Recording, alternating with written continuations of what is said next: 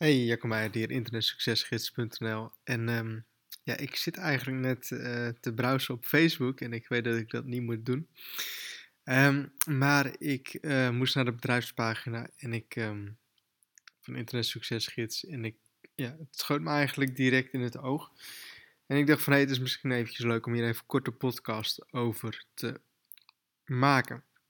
En het is een bericht van uh, iemand en die zet op Facebook daarnet, het is best wel een lang verhaal hoor, dus um, dan weet je dat alvast. En die zegt, daarnet is mijn dochter totaal uitgeput thuisgekomen. Ze was om vijf uur op om de bus te pakken naar het Centraal Station, zodat ze de vroege trein kon pakken. Dat ze om zeven uur kon starten met werken in Utrecht. Voor haar broer geldt hetzelfde. Die is al vier dagen achtereen niet meer thuis om zes uur in de ochtend en komt vaak rond middernacht zo moe thuis dat hij soms niet eens warm eten lust. Als moeder kijk ik deze ontwikkelingen in hun jonge levens met ledenogen aan. Ja, we moeten allemaal werken en nu met de hardheid van de economische malaises in de huidige samenleving nog meer dan mijn generatie op de leeftijd heeft gedaan. Maar het blijft pijnlijk om te zien. Nu komt het. Straks wordt Amalia 18 jaar van een deel van het belastinggeld dat mijn kinderen wordt afgetroggeld, zal zij haar suppletieregeling van 2 miljoen euro per jaar krijgen. Zij zal nooit weten hoe het is om te werken om je studieschuld af te lossen, omdat je anders met de nieuwe wetgeving rondom studiefinanciering nooit een hypotheek kunt afsluiten om een huis te bezitten en een decent, decent, decent bestaan op te bouwen. Amalia en haar zussen en de rest van de koning van de tot de koninklijk materiaal verhevenen krijgen het gewoon. Ze krijgen het mede van het harde werken en opofferingen gebracht door onder andere mijn kinderen. Maxima zal nooit voelen wat ik voel, de machteloosheid en boosheid en gevoel van onrecht om wat dit systeem met jongeren, met mensen over het algemeen doet. Want toen mijn kinderen om vijf uur uit hun warme bedden moesten om mee te betalen aan onder andere koninklijke miljarden, droomde Amalia over haar zorgeloze leven en de volgende vakanties voor de komende zomer. Nou, ten eerste, je weet natuurlijk nooit waar iemand over droomt. Je weet nooit wat, waar iemand mee zit.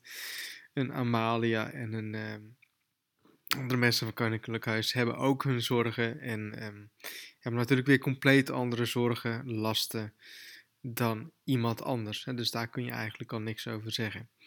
Ten tweede, dit is een complete slachtofferrol van zij hebben het wel, ik heb het niet.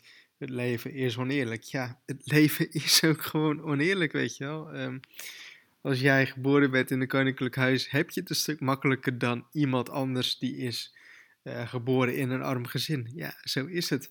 Um, neemt niet weg dat de meeste self-made, dat de meeste miljonairs uh, zijn. De meeste miljonairs op de wereld, miljonairs op de wereld, zijn volledig self-made, hebben niks geworven, um, hebben compleet zelf gedaan, hebben er hard voor gewerkt, hebben hun vermogen zelf verdiend.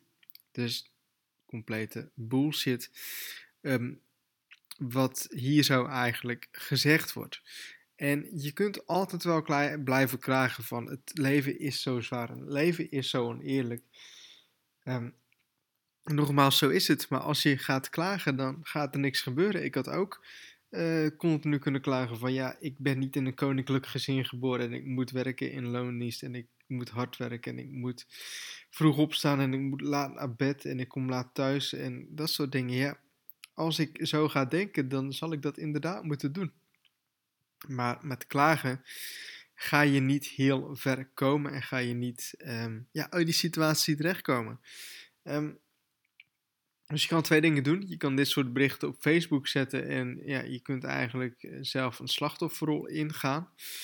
Het andere wat je kunt doen is dat je actie gaat ondernemen, zodat je gaat zorgen dat je zelf ook een leuk, tof leven hebt. Of dat je dochter of je zoon of wie dan ook, dat die een, mooi leven heeft waarin die niet echt meer hoeft te werken of ook heel veel geld gaat verdienen. Weet je wel, dat kun je gewoon helemaal zelf doen. We leven in een uh, vrij land. Um, iemand uit Noord-Korea is weer jaloers op de dochter of de zoon van de persoon die dit op Facebook heeft gezet. Het is natuurlijk ook maar net hoe je dan gaat bekijken. Leven gelukkig in een vrij land. Je kan alles doen wat je wilt. Je kan alles bereiken wat je wilt. Hebben gewoon vrij internet. Dus in plaats van dat je dingen op Facebook zet, ehm, ja, zou je gewoon actie kunnen ondernemen. En zou je iets kunnen doen zodat je zelf in een andere positie komt. Dus ehm, het klagen heeft totaal geen zin. Um, ja, ik, ik ga hem ook direct ook afsluiten, want dit is eigenlijk alles wat ik erover wilde zeggen. Uh, maar dit soort berichtjes, berichten zie je natuurlijk heel vaak op Facebook voorbij komen. Allemaal klagers en mensen die alleen maar klagen dat het allemaal zo oneerlijk is en dat het allemaal, uh, dat ze het slachtoffer zijn van de maatschappij, het slachtoffer van um, de belastingstaat. En ja, tuurlijk, weet je, ja, je moet gewoon belasting betalen. Um, wil je dat niet, ga dan gewoon ergens anders wonen en zorg dat je, dat je heel slim met je geld omgaat of wat dan ook.